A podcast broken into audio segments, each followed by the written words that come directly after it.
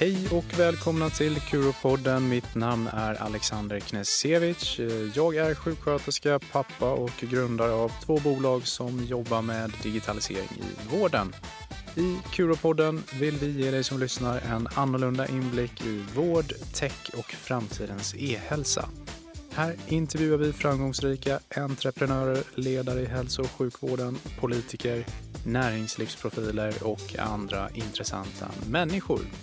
Vi bjuder på okonventionella sanningar, framtidsspaningar och pratar om hur allt är, men kanske framförallt om hur allt borde vara. Kuropodden är en podd som drivs av Curoflow. Curoflow levererar säkra och användarvänliga molntjänster till framförallt vårdsektorn.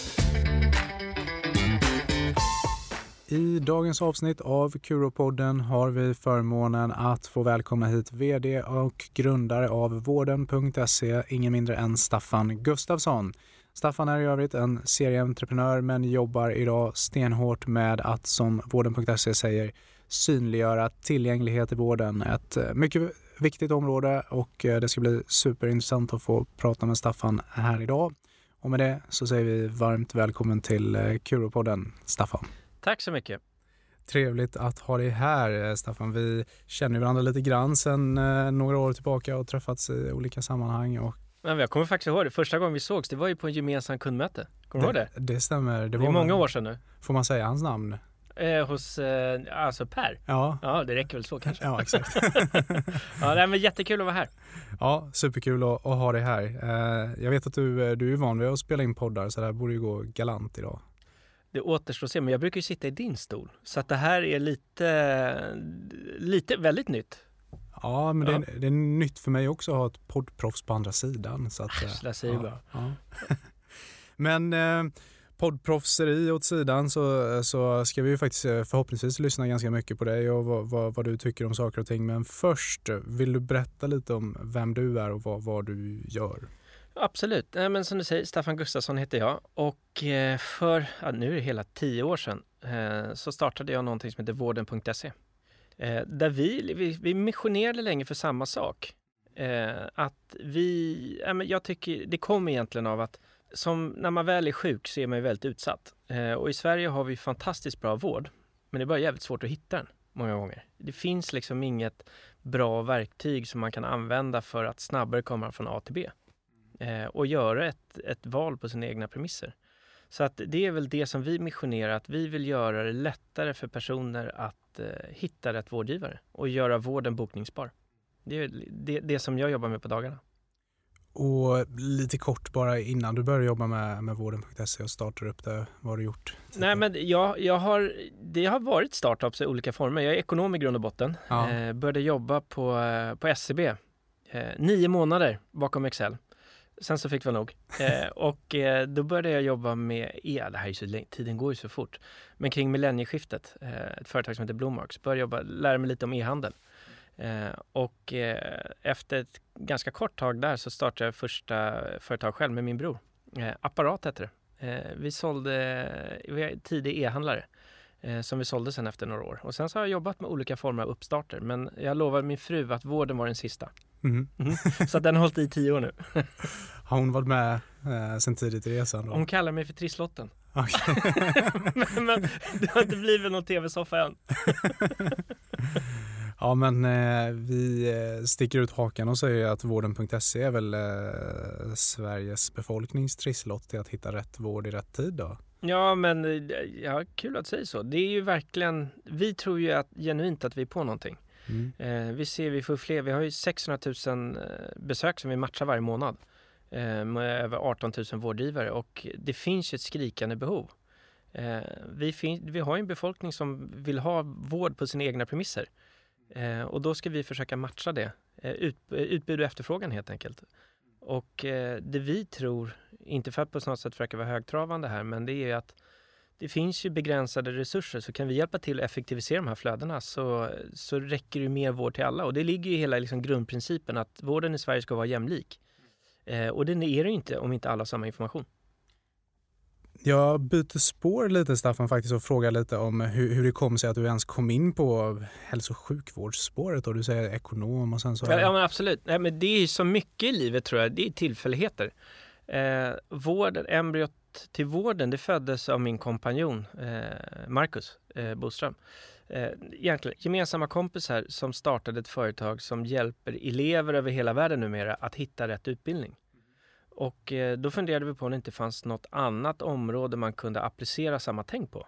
Eh, och eh, det var precis liksom när vårdvalen började komma att nej, men nu händer något stort skifte här inom en jättemarknad. Och då tänkte vi att nej, men, utbildning det väljer förhoppningsvis bara en gång i livet. Men vård, det har ju så många olika vårdkontakter varje år eller varje månad till och med inom olika discipliner så att här, måste, här finns det ett informationsgap. och det var så själva starten till vården. Så att det var inte jag som kläckte men det var jag som, eh, det var jag som stekte ägget. ja. Men du, eh, ni måste ju ha en av eh, Sveriges bästa domännamn. Alltså ni fick ju vården.se. Ja. Var det ledigt eller var det hur? Ja, där får jag ju tacka min kompanjon igen. Jag tror att han registrerade det 99, eller var, nej, det var början på 2000-talet ja. för 59 spänn. Det var otaget. Ja. Ja, fantastiskt lätt att komma ihåg för alla människor som behöver söka just vård då. Nej, och det är ett ganska tacksamt namn, eller både och. Det är att nu jobbar vi väldigt mycket på att nå ut och börja bygga en varumärkeskännedom. Vi har varit ganska anonyma under de här åren. Eh, kanske inte för besökarna, men mycket för vårdgivare. Eh, och det är att det är ett väldigt generiskt namn så att det är så här, man har, ah, det där borde nog känna till. Men det är inte alla som gör det, så att det är det vi håller på Lite därför jag sitter här idag också. Eh, det är det vi jobbar mycket med nu, att vi, vi har vår ambition, lika naturligt som att du går in på Hemnet för att hitta bostad, ska det vara att du går in på vården för att hitta nästa vårdgivare. Mm. Och du säger att vår, man går in på vården.se så hittar man en uh, vårdgivare man vill ha och så kan man uh, boka tid och kanske eller hitta information som man, som man är på jakt efter. Vill du, vill du berätta lite mer om hur en vanlig resa ser ut när man kommer till vården? Absolut. Eh, den typiska patient eller användarresan som det ser ut nu det är att ja, men, tänk du vaknar upp imorgon bitti eh, och så har du fått jäkligt ont i ryggen. Mm. Eh, vad ska du göra? Eh, vad nio av tio gör det är att man googlar någonting. Och det är där vår resa börjar. Man har ett behov av någonting, man vet inte var man ska ta vägen eh, och man söker information på nätet. Så att fortfarande 90% av vår trafik kommer organiskt via Google. Eh, att man har ett besvär. Eller till exempel, äh, men jag har ont i halsen nu, jag vill gå till min husläkare. Du har ingen aning om jag är listad. Där kan man faktiskt gå in på vården nu och se var man är listad. Jaha. Ja, men eh, så att vi är den här, behovet har uppstått, men man har ingen aning om var man ska ta vägen. Där kommer vården in.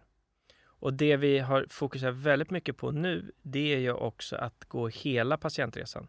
Det vill säga att du ska också kunna se vilken tid som finns ledig och boka in dig på den vi vill ju att det ska bli effektivare genom, alltså vi har ju begränsade resurser.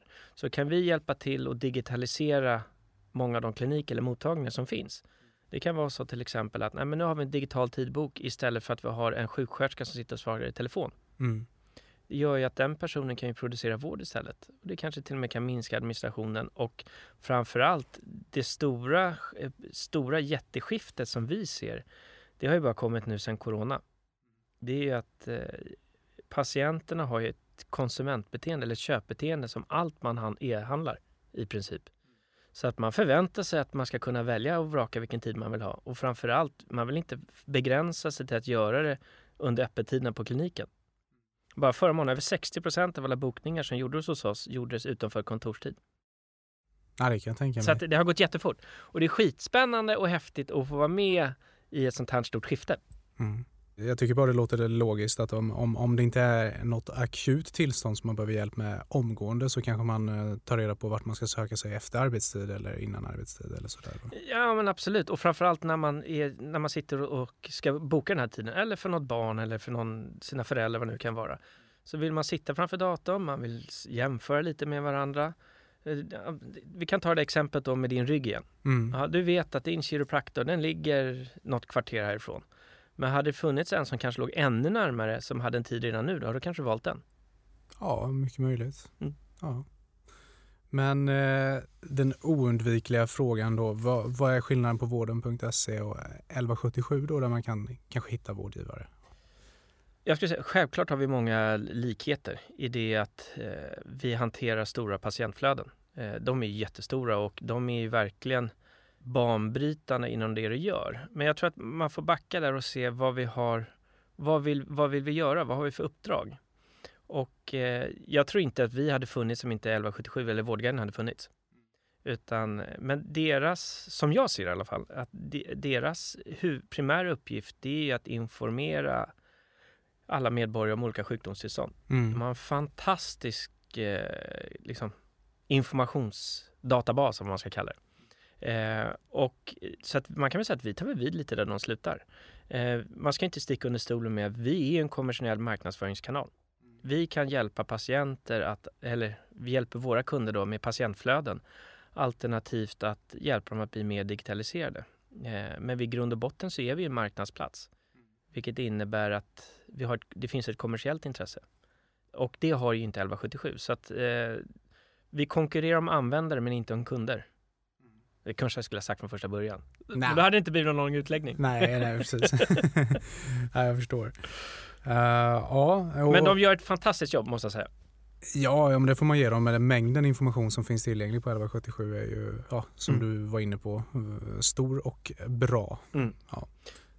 Vidare, uh, hur, hur, skulle du säga att uh, för, för ni jobbar ju med vårdgivare i eh, olika segment som ja. bedriver olika... All legitimerad vård. All legitimerad vård, mm. ja.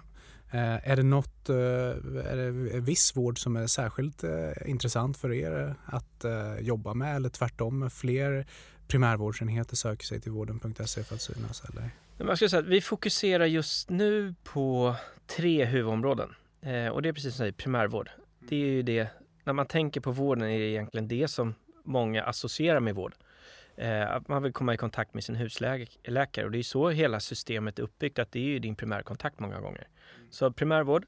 Eh, sen så är det specialistvård. Det händer jättemycket spännande där. Eh, och det kan vi, vi kan gå in på separat för det är, det är både bra och dåligt det som händer där.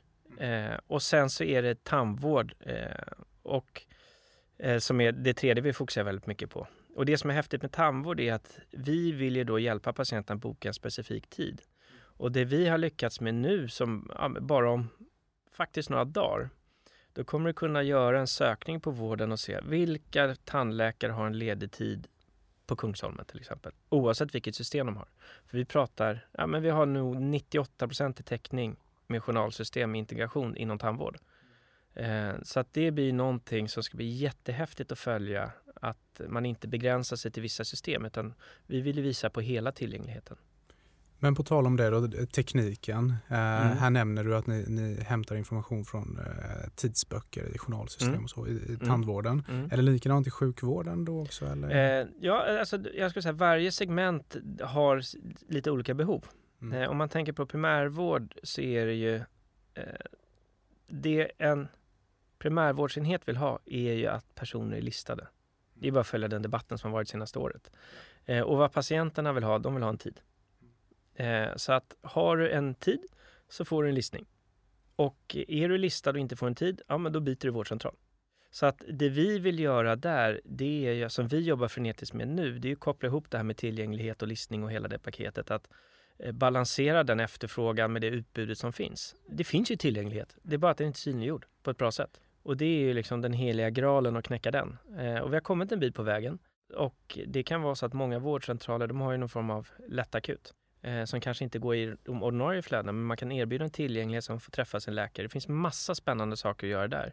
Men det vi, det vi gör primärt nu är framförallt att vi fokuserar på listningar. Att, eh, vi gjorde en undersökning bland våra, våra användare och det visade sig att över 30 procent de eh, vill byta vårdcentral, men de har ingen aning om hur man gör. Så där finns ett stort informationsgap. Och mycket av det här som du är inne på, att missnöjdheten många gånger, det är tillgänglighet. Och det vi vill göra där, det är att göra ett, skapa ett bra verktyg så att det, jag tror inte många som vet till exempel att du kan, beroende på var du är listad så finns det olika tjänster att tillgå. En vårdcentral kanske har terapeuter, en annan har inte. Vilket innebär att du är listad på en som har terapeuter, ja men då kan du få gå i terapi på nationella, eller på regionstaxan. Ja. ja, det där kan ju du. Ja, ja. Men går du på en vårdcentral som inte har det, men då kanske du gör det privat. Så att det här med att avsaknaden av en transparens information gör ju vården mer ojämlik och det är det vi vill försöka nej, men göra det bättre så man kan faktiskt jämföra och så man kan anpassa sin vårdkonsumtion efter de behoven man har. Eh, Och ja, effektivisera de flödena. ja, men precis. Och ni, ni ska ju verkligen ha, ha cred för att ni försöker jobba med att lösa den här evighetsfrågan egentligen. Som, som, Nej, det är ju inte lätt. Nej, nej precis. Nej. Eh, Det är ju ingen som har lyckats hittills eh, Nej. fullt ut. Och tittar vi på tillgängligheten till primärvården så ja, dels har vi ju från läkarhåll då att man pratar om att eh, alldeles för få allmän eh, och samma sak med sköterskor och andra professioner också. Men specialistvården står ju inte heller direkt och eh, väljer i överflöd av personal utan det är ju Nej. tungt där och stora Mm. vårdskulder. Så att en del Ja, av men det där med vårdskulder, det är jätteintressant. Vi har ett projekt nu som vi gör tillsammans med Capio. Eh, och det är ju så att beroende på var du bor i Sverige så är det mer eller mindre väntetid. Ja, Om du tar ett exempel, bor du i Jämtland och du pajar axeln eller du drar ditt korsband. Då får du en operationstid i bästa fall inom ett och ett halvt år. Om du bor där. Eh, bor du i Stockholm, då kan du få en operation inom två veckor. Eh, och den här informationen måste ut och det, det har ju till och med regeringen avsatt. Det är de här 250 miljonerna som beviljades för, ja det var ju ett antal månader sedan. De är öronmärkta för att betala för transportkostnader patienter har för att byta regioner. Mm. Så att det här med att vi har långa vi har vårdskuld och ett växande vårdbehov, absolut. Men samtidigt så har vi en matchningsproblematik som gör att vissa operationssalar står faktiskt tomma. Ja. Helt i onödan. absolut. Bara för att inte de här Om vi tar exemplet då. Jag, jag, det berättade faktiskt om i det här mötet. Det var en person, han bodde uppe i norra Sverige. Eh, han var, var sjukskriven och långtidssjukskriven för hans axel var eh, paj. Så han kunde inte utföra sitt arbete. Så han var då sjukskriven. Och sen så tröttnade han på det här och började ringa runt. Jag tror han till och med ringde typ växeln till Capio. Och Mm. sen så slussade han vidare efter många omkopplingar då till en ortopedisk mottagning i Stockholm. Och någon vecka senare var han nere och opererad. Och sen så lite rea på det så var han tillbaka i arbete. Och denna personen hade bara inte hamnat i något ingenmansland i sin hemregion. Ja, du förstår, vi, vi, vi, vi kommer inte lösa hela problematiken, men kan vi bara en efter en hjälpa till att effektivisera de här flödena eh, så tycker jag att vi gör en stor insats. Ja, det tycker jag absolut. Och nu, nu är du inne lite på eh, en av mina hjärtefrågor, eller tillgänglighet i all allmänhet, men, men i, i synnerhet möjligheten att välja fritt över regionsgränser. Och då pratar vi patientlagen som jag ibland skojar om och det är en del sanning i det med att jag nä- nästan har sovit med, med patientlagen under huvudkudden. Det, är- Mm. det är inte så mycket att läsa i den, men, men det som finns där har ju inskränkts redan några gånger och det känns som att varje gång man, man pratar om att eh, varje gång det ska ske någon förändring så handlar det mm, ofta om att man på något sätt ska inskränka den här valmöjligheten, att man ska Mm. begränsas till sin region. Vilket Mm. Vi har aldrig pratat om det i podden men, men eh, jobbat med ett företag som heter Remisshjälpen där det har remitterats en himla massa människor kors Mm. och tvärs över Sverige. Och det finns, precis som du säger, det finns tillgänglighet bara att det kanske inte finns i just din region för just den operationen. Men det finns Nej. någonstans Ja, visst. Eh, Nej, men jag håller med om det där och det, och det är det här som blir att man får ju laga lite efter läge, men det, är, det finns ju önskemål på förbättringar. Och där ser jag en del i hela den här digitaliseringen med eh, alltså, videosamtal eller nätläkare och allt vad det nu är. Det gör ju, används det på rätt sätt så möjliggör det att de här begränsade resurserna räcker till fler.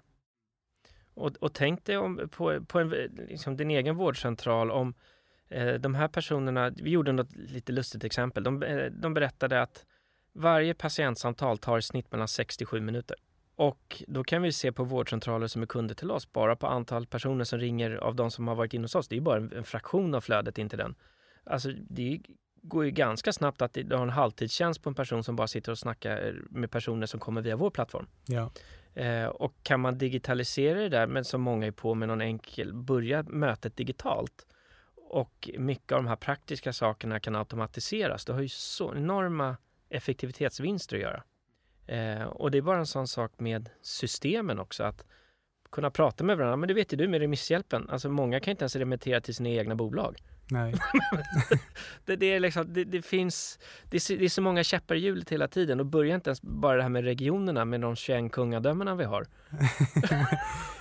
Det, ja, Ja, det är olika regler för uh, olika regioner, så är det. Ja. Absolut. Ja, det är, ja, man behöver nästan vara expert på remissflöden om man verkligen ska förstå det där. Alltifrån mm. uh, vad är det som räknas som öppen, öppenvård mm. eller öppen specialiserad vård och slutenvård och vad, vad krävs för att få det och det inkluderar betalningsförbindelser från en mm. region mm. till en annan och, och, så vidare. Och så vidare. Så det, är verkligen, det är verkligen inte lätt för gemene man eller kvinna där ute som, som vill ha vård. Nej.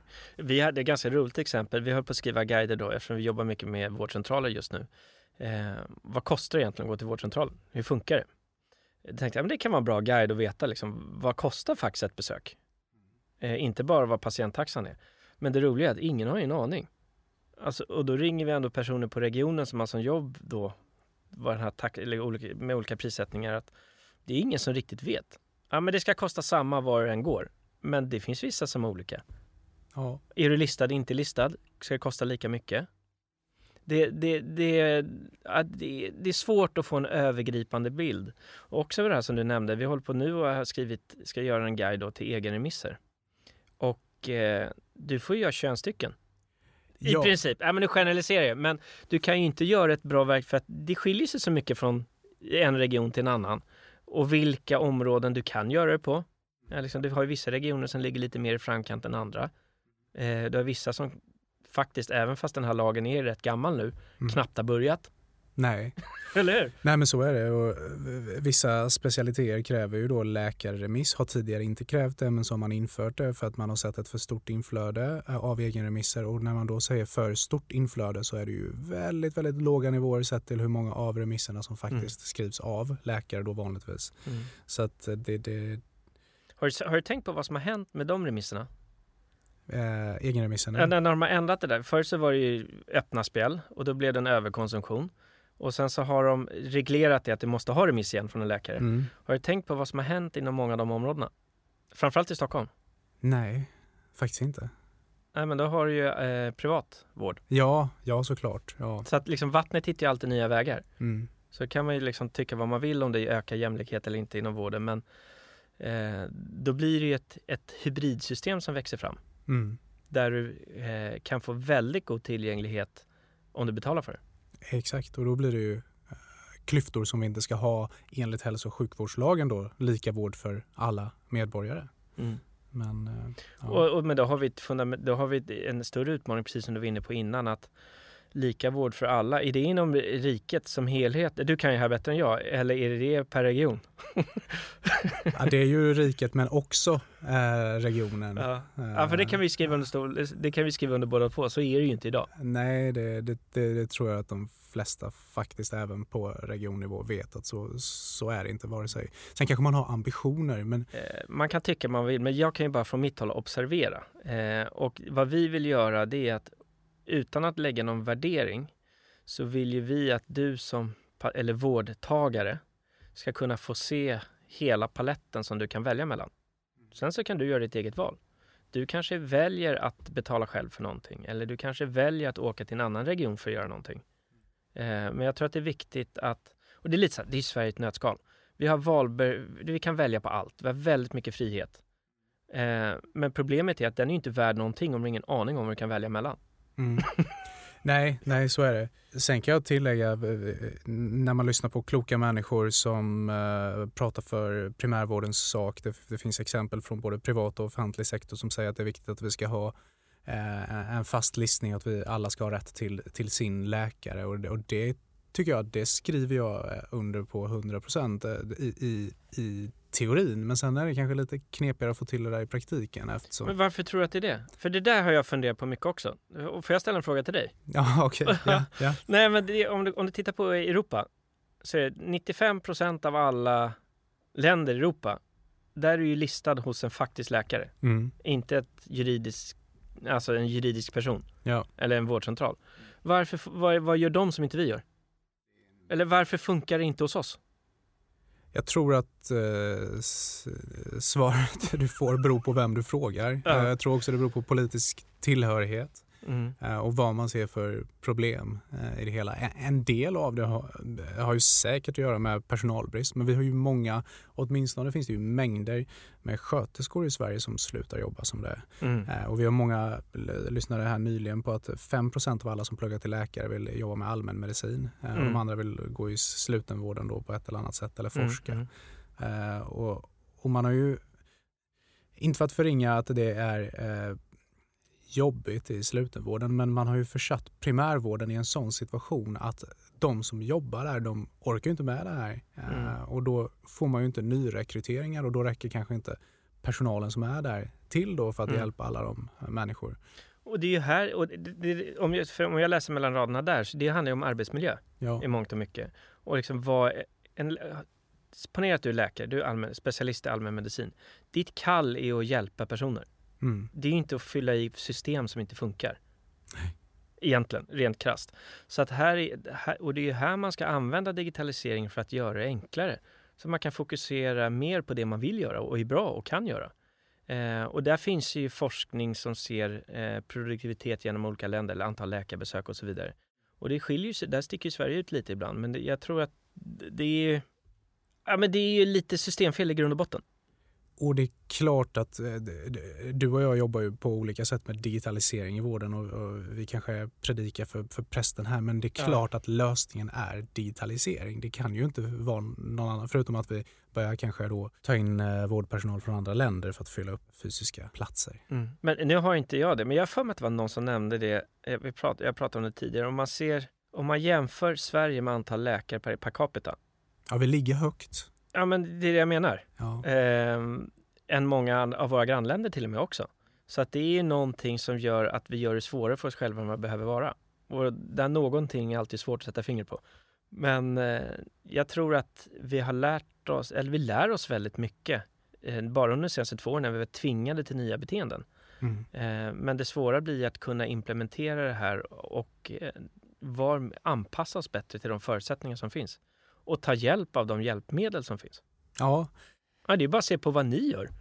Eh, ja, vi, vi tycker att vi tillhandahåller hjälpmedel som, som hjälper vården och vi, vi har väl det svart på vitt också att vi kan mäta det i datapunkter, hur mycket tid man sparar och hur mm. många fler man kan hjälpa. Och inte bara hur mycket tid man kan spara, hur många fler man kan hjälpa, utan hur arbetsmiljön förbättras. Mm. För vi gjorde en, en, en liten enkätundersökning här, jag behöver inte gå in på den i detalj, men vi, vi frågade vårdpersonal, vad är, det, vad är det första du tänker på eh, när du tänker på att du, du ska vara på jobbet? Känslan du får mm. av att vara på jobbet. Och alla svarar Eh, nästan 9 av 10 svarar stress eller känslan av att inte räcka till. Mm. Och summerat blir det någonstans känslan av att inte räcka till. Så, mm. så 9 av 10 i vår lilla enkätundersökning i vården säger känslan av att inte räcka till. Och sen har vi då kollat med patienter och där har du på andra sidan då patienter som säger ja, men summerat en ängslighet. Vem ska jag vända mig till? Hur lång tid tar det? Varför tar det så lång tid? Mm. Var får jag information? Hur får jag information?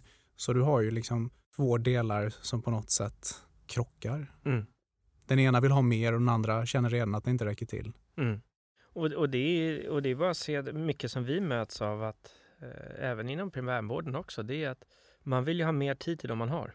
Mm. Man vill inte ha ett ökat flöde. Eh, och sen, för då kommer man in lite på det hur ersättningsmodeller och allting är uppbyggt. Och det är bara att se hur, det är, det är ju politiskt, så det ändras ju lite då och då. Och det gör ju också att det, i vissa fall så kan det ju vara kontraproduktivt mot det som patienterna Och alla förstår ju att det finns ju, alla kan ju inte ha tillgång till all vård hela tiden. Mm. Det går ju inte, det är, det är omöjligt. Eh, så att det finns ju en naturlig tröghet i systemet för att sålla bort de som inte är för akuta. Och vissa saker kanske man skulle kunna göra hemifrån med, med smarta, smarta verktyg. Men det viktiga, poängen i det hela är att det kommuniceras ju inte så mycket varför inte alla ska ha tillgång till vård hela tiden. Eh, så att det är ju på något sätt man har skapat ett konsumtionsmonster i allmänheten. Att man förväntar sig att jag ska alltid ha tillgänglighet hela tiden. Tycker du att eh, nätläkarna har varit pådrivande i det de sista åren? Nej, men nej, det skulle jag inte säga. Utan nätläkarna, det de har gjort är ju att alltid när man ska göra förbättringar och förändringar så krävs det att liksom någon bryter ny mark. Och det de har gjort är att de har ju tvingat hela liksom vårdapparaten att ändra sitt beteende och flytta. Eh, jag, jag, är helt fascinerad över att det har gått så fort som det har gjort. Men ändå, nu har de varit här i vad åtta år ja. sedan de första körde igång. Ja. Och det har ju hänt väldigt mycket. Det finns alltså, Region Stockholm har inte ens lyckats handla upp ett nytt journalsystem. Ja, det, på, den, på den tiden. Ja, precis. Det är ett eller, annat eller, program. Ja, nej, men du förstår. Nej, men så att jag, jag tycker att de har gjort... Eh, det är klart att de har stuckit ut, ut hakan i vissa anseenden. Mm. Men samtidigt så har de... Eh, det de har fått, det, de har, det är att även traditionellt drivna enheter nu är mer digitaliserade. Så att jag skulle säga att de har gjort väsentligt mycket mer nytta än att ha gjort eh, något negativt? Negativt, ja. ja. Jag skulle säga att överlag en väldigt positiv inverkan. Ja. Och det är bara att se på den senaste trenden nu i mångt och mycket. Det är ju att många av dem börjar driva traditionell fysisk vård. Och då har du inte digital och fysisk vård utan det har, det är lite buzzword med digifysiskt, vad man ska kalla det. Men och det, jag tror ju personligen att det är ju mycket nyckeln till att få den här ekvationen att gå ihop. Att automatisera och effektivisera de processer som går. Sen så måste det alltid finnas tillgänglighet så att en person blir sedd och det där fysiska mötet, det ska man inte underskatta. Men där är vi ju idag, att det finns båda av dem. Och sen så, sen så finns det mycket i Nej, men jag tror att det är många analoga processer som skulle må bra av att kunna digitaliseras och effektiviseras. Ja, det, definitivt. Och lite in på eh, ett spår om en fråga om hur ni på vården.se upplever eh, bemötandet från privat respektive offentlig sektor. Ser ni någon skillnad där eller är det lika lika? Nej, men jag skulle säga vi har, vi har ju kommit absolut längst med, all vård är ju nästan offentligt finansierad. 98 procent eller vad det nu är. Eh, men av det, det, vi har kommit längst med det är de som är privat drivna. Eh, och eh, där kan man dra en parallell mycket till det som vi kommer ifrån, det här med utbildningar. Att då var det mycket av de privata utbildarna som var först ut. Eh, och sen så eh, de offentligt drivna, de kommer ju behöva förhålla sig till det. här. Det är bara som uppdragsboken är utformad. Att har du inte tillräckligt många listade så att din verksamhet inte går runt, ja men då får du inte bedriva din verksamhet. Är det inte, jag, jag tänkte säga att det, det, det ska ju vara så, men oftast så går man kanske bara ja, det fortsätter att rulla på då även om man går med underskott. Ja, men i, om man kollar på hur, hur regelboken är satt ja. så ska ju det vara ett självsanerande system. Eh, och sen som det som vi märker, det är ju att många av de offentliga, de måste förhålla sig till alla de privata initiativen. Så att det kommer, ja, som det är inom alla branscher, kolla på tv-branschen när TV3 kom med Stenbeck. Det var ju väldigt eh, upprörande och revolutionerande på sin tid. Men nu, till och med SVT har ju presenterats av Nej, det, det är lite så, så att jag tror att utvecklingen kanske kan gå lite snabbare i de privatdrivna. Eh, men sen så kommer ändå för, offentliga förhålla sig till det. Och vi lever i en marknadsekonomi där commodityn är ju patienten. Varje patientkontakt är associerad med någon typ av ersättning. Mm. Och de här alla kliniker, oavsett om de är offentligt eller privat, behöver ju ha den intäkten i sin verksamhet för att den ska gå runt. Eh, så att där är ju spelplanen. Och det låter, när jag lyssnar på dig Staffan, att det, det ni jobbar med på vården.se på olika sätt är ju tillgänglighet, att öka tillgängligheten. Mm. Egentligen. Synliggöra skulle Synliggöra. jag säga. Ja. ja. Och vad tänker du om, nu har du gjort det här i tio år sa du, mm. vad, vad, tänker du att vården.se är om tio år? Eh, om, ti oj, om tio år från nu? Nej men, ja, men vi är ju top of mind såklart. Alltså min vision, eller visionen som jag har, det är ju att vi ska ju vara ett så pass kraftigt verktyg att vi ska, ponera, vi flyttar in i din telefon. Du loggar in i din vården. Där har du samlat din egna, alla dina vårdgivare associerade till dig. Kanske via den försäkring du har.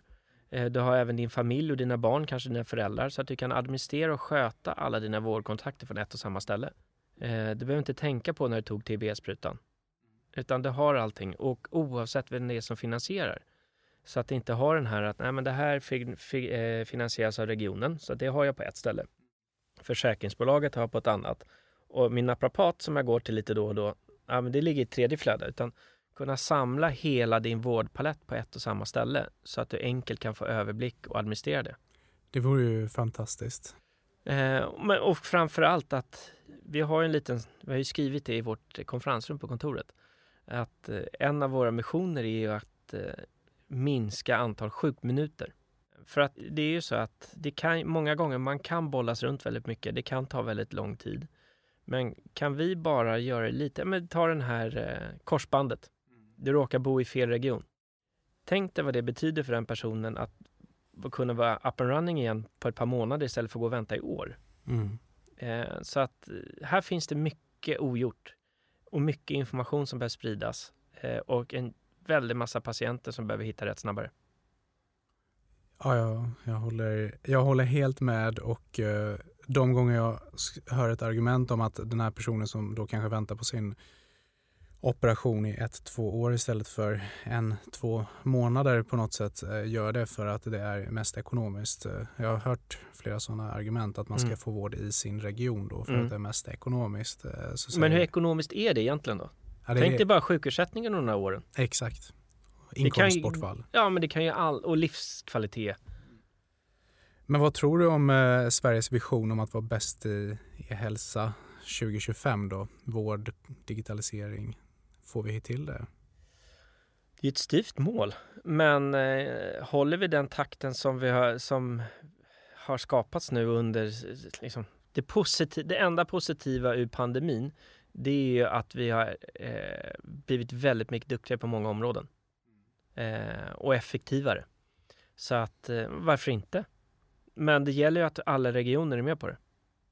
Mm. Och, och den frågan tycker jag om att ställa också. Ska vi, ska vi ha kvar regionerna? Nej, men jag, jag pratade om det förut i någon annan podd och ponera att det skulle vara ett, eh, men säg att vi skulle prata om bilar istället och samma typ av systemsetup. Då har ju du, eh, din bil går sönder, du kontaktar din verkstad, alltså du går till din vårdcentral och sen så har du en försäkring på det där också som kan täcka upp lite med, alltså, med det ersättningssystemet som vi har det är ju alltid svårt när utövaren och beställaren är samma person. Så att det, och det är inte bara jag som har myntat det, men jag gillar ju den tanken med att se det lite mer åt det hållet. Att, ja, men, min personliga åsikt, ja, vi kanske har lite för många regioner eh, som gör att det är lite väl byråkratiskt. Eh, om, man kan, om man skulle få drömma fritt, eh, vem säger att vi inte skulle klara oss på tre? Eh, vi har ett försäkringsbolag som är fantastiskt, Försäkringskassan. Eh, varför inte lägga uppdraget med ersättningen i dem så att man får köpare och utövare med, med olika, olika enheter. Då får man en, liksom en naturlig eh, köpare-beställare situation. Eh, du var, nämnde det lite tidigare där med uppdragsboken innan att ligger, ligger allt i samma korg, ja men då spelar det ingen roll vad man har för regler. Mm. För köparen, och utövaren och beställaren, det är samma person. Eh, så att jag tror ju att eh, det kommer ju ta några mandatperioder, men någon förändring kommer ju såklart ske. Eh, ingenting varar för evigt. Eh, och för att kunna få den här effektivitet, effektiviteten och leva upp till jämlikheten så tror jag att det kommer ses över. Ja, det är intressant. Jag har ställt den frågan några, gånger i, i podden och jag, jag försöker hålla mig så neutral som jag Men kan. det är jag också. Ja, såklart. ja det är jag också. Men, Men- ja. Men, men det, är, det är nog... Jag jag har inte hört någon som har ställt sig upp i jubel och klang och sagt att det är klart vi ska ha 21 regioner som styr hälso och sjukvården. nej. Det är nog mer åt det andra hållet och antingen några få eller att staten ska styra sjukvården. Ja. Det är lite intressant. Jag vet inte om den här poddens gäster representerar Sveriges befolkning men det är ändå lite Nej, anmärkningsvärt. men, och där tror jag att ska du fråga gemene man som har ingen aning om hur det funkar. Nej. Ska du gå ut och fråga gemene man här utanför hur många regioner vi har i Sverige? Alltså, jag tror du får ett väldigt spretigt svar. Ja, det var, det var ju... Eller? Ja, ja, jag håller med. Eller, vad, var det nu inför, inför valet då? Eh, Då ställde de frågan om, eh, till, till vanligt folk på, på gatorna, om det var SVT eller vad det var, Mm. eh, om de visste vem det var som styrde eh, sjukvården. Mm. Eh, jag tror det var en tredjedel som sa regionerna och resten gissade på staten eller kommunerna. Så att, Mm. ja, Ja, du ser. ja. Mm. Ja, intressant. Eh, men byter lite till, till dig och din eh, roll, eh, Staffan. Du, Ja. har ju ändå drivit vården.se här nu ett antal år. Och vad tycker du har varit mest utmanande genom de här åren? Ja, men det som har varit utmanande är ju... Jag är ganska ivrig som person. Och det är väl att det tar sån jäkla tid. Mm. Många saker. Ja. Eh, det är liksom, man brukar säga att det tar tid för atlantångare och liksom ändra kurs. Men det här är beyond det. Mm. Eh, nej, men att det tar väldigt mycket tid. Eh, samtidigt som det finns eh, Det är alltid väldigt fascinerande att träffa personer som har ett kall. Mm. Alltså som brinner för det de gör.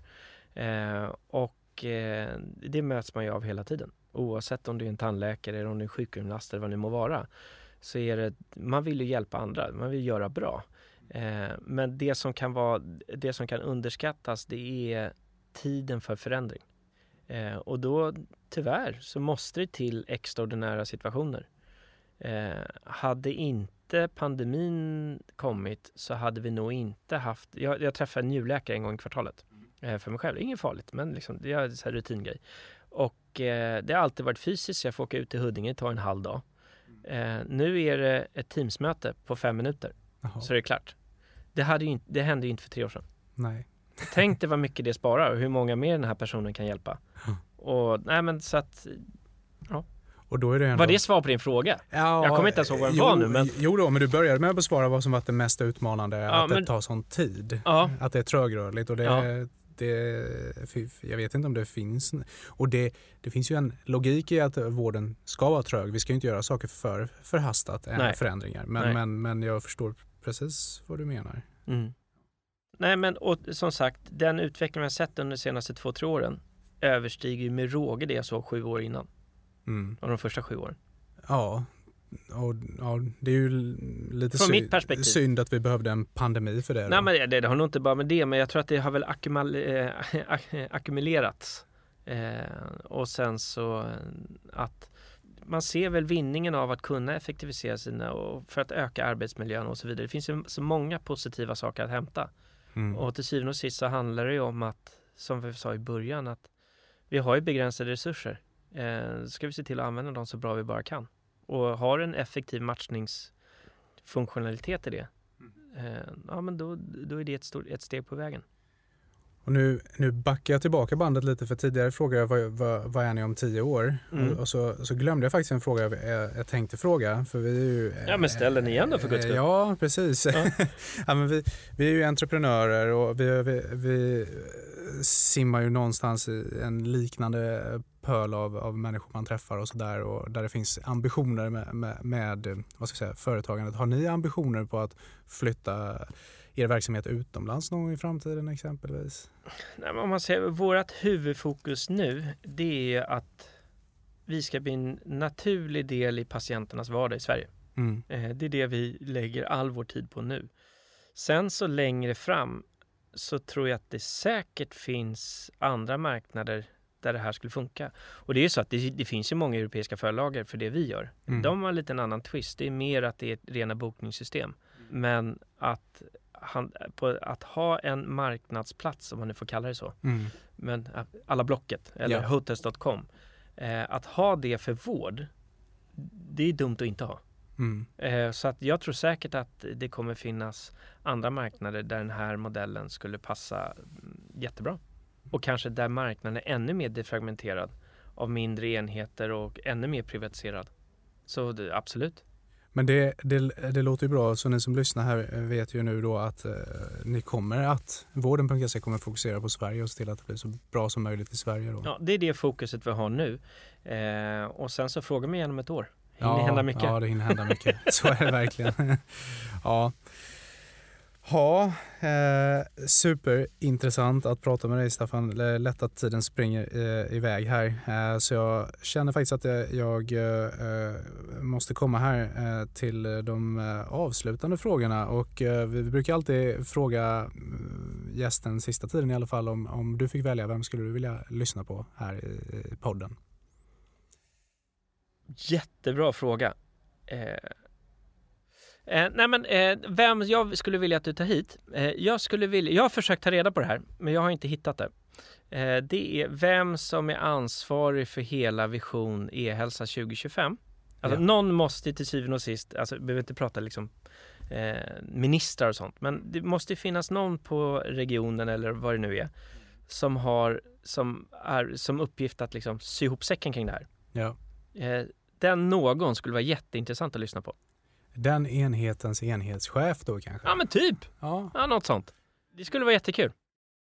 Eh, Okej Staffan, eh, sedan lite en, en kanske lite djupare fråga eventuellt. Ja. Eh, framgång, vad skulle du säga att det är för dig? Eh, jag skulle vilja säga, ja, men framgång. Jag tror inte att det är liksom den här stora milstolpen, utan jag tror att det är alla de här små delsegrarna. Exempel får jag höra om en patientresa, ja, men säg att vi lyckas lösa, att vi hade löst det här killen med axeln. Mm. Eh, jätteframgång. Eller att eh, den feedbacken vi får, får till exempel om vi har lyckats lösa ett problem för någon av våra kunder. Eh, jag, skulle säga att fira de här små delsegrarna. Mm. Eh, och inte bara fokusera på the holy grail. För att eh, då glömmer man bort här och nu. Men fira de här små delsegrarna som jag tycker att eh, vi lyckas uppnå varje dag. Mm. Kul. Eh, och eh, en fråga som jag aldrig fått riktigt svar på för alla säger nästan att jag ångrar ingenting i mitt liv när jag frågar det här. Så, så frågan lyder, finns det någonting eller en sak eller händelse framförallt då som, som du har varit med om som du önskar att, att du hade haft ogjort eller något du ångrar? Är det liksom överlag? Eller? Överlag, både privat och yrkesmässigt. Mm, mm, mm, mm. Jätte, ja, men nu vill jag faktiskt ge dig ett svar här. Alla säger jag ångrar ingenting. Nej, men det, det är klart att man gör. Men vad fasiken skulle det vara? Allt jag har gjort har ju lett till det jag gör, gör nu. Men eh, Jag ångrar att jag inte blev läkare. nej, men det kan jag inte påstå. Jag är alldeles för, för rörig för det. Men eh, jo, det, eh, jo, en sak som jag ångrar att jag inte gjorde. Eh, jag hade förmånen att under ganska många år eh, bo utomlands. Mm. i olika länder. Och att jag inte tog mig tid att lära språket mer. Eh, Jag bodde i Italien i ett och ett halvt år. Och jag ångrar att jag inte la mer tid på att lära mig italienska. Det, För jag hade alla förutsättningar att vara där. Men, eh, nej, men alltså jag inte tog vara på de eh, lågt hängande frukter som jag nu efterhand såg att det var. Mm. Ja, det, det förstår jag. Det har ju varit eh, något att Ja. kunna italienska. Ja, ja Verkligen. eller hur? Och jag, går, det går, jag ligger fortfarande och maler lite. Jag vill bli jäkel på att förstå. Men eh, nej, att jag inte tog, nej, men jag inte tog vara på de chanser som kom. Mm. Mm. Ja, men det är aldrig för sent säger de. Nej, jag laddade ner den här Babbel eller vad den heter. En sån app. Jag har gjort det flera gånger. Helt värdelöst. Nej, men man lär sig bäst när man är på plats. Så att eh, inte ta vara den tiden när man väl var där. Mm. Ja, okej. Ja, men då, då skickar vi med alla som åker utomlands och stannar utomlands en längre tid. Lär er språket. Ja. Mm. Nu då i, i maj månad här så börjar det bli varmt och vi ser fram emot sommaren. Vad, vad ser du fram emot resten av 2022 här? Eh, ja, yrkesmässigt eller privat? Nej, men yrkesmässigt, eh, det är ju att vi på allvar kommer in på kartan eh, i gemene man. Eh, där vi faktiskt gör vården bokningsbar. Att liksom kabla ut, slå på den stora megafonen och eh, liksom lite så här, öppna upp eh, dörrarna till varuhuset.